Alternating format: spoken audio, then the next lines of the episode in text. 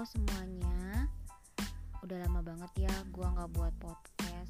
Terakhir itu gue buat di bulan Desember which is udah sekitar 4 bulanan gue absen.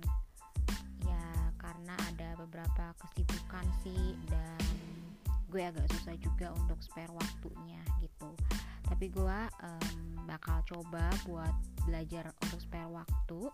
Jadi mulai bulan ini gue akan rutin lagi berharap apa yang gue sampaikan di podcast ini bisa hmm, menemani teman-teman semuanya yang mendengarkan dalam proses bertumbuh untuk menjadi dewasa seutuhnya. Happy listening guys.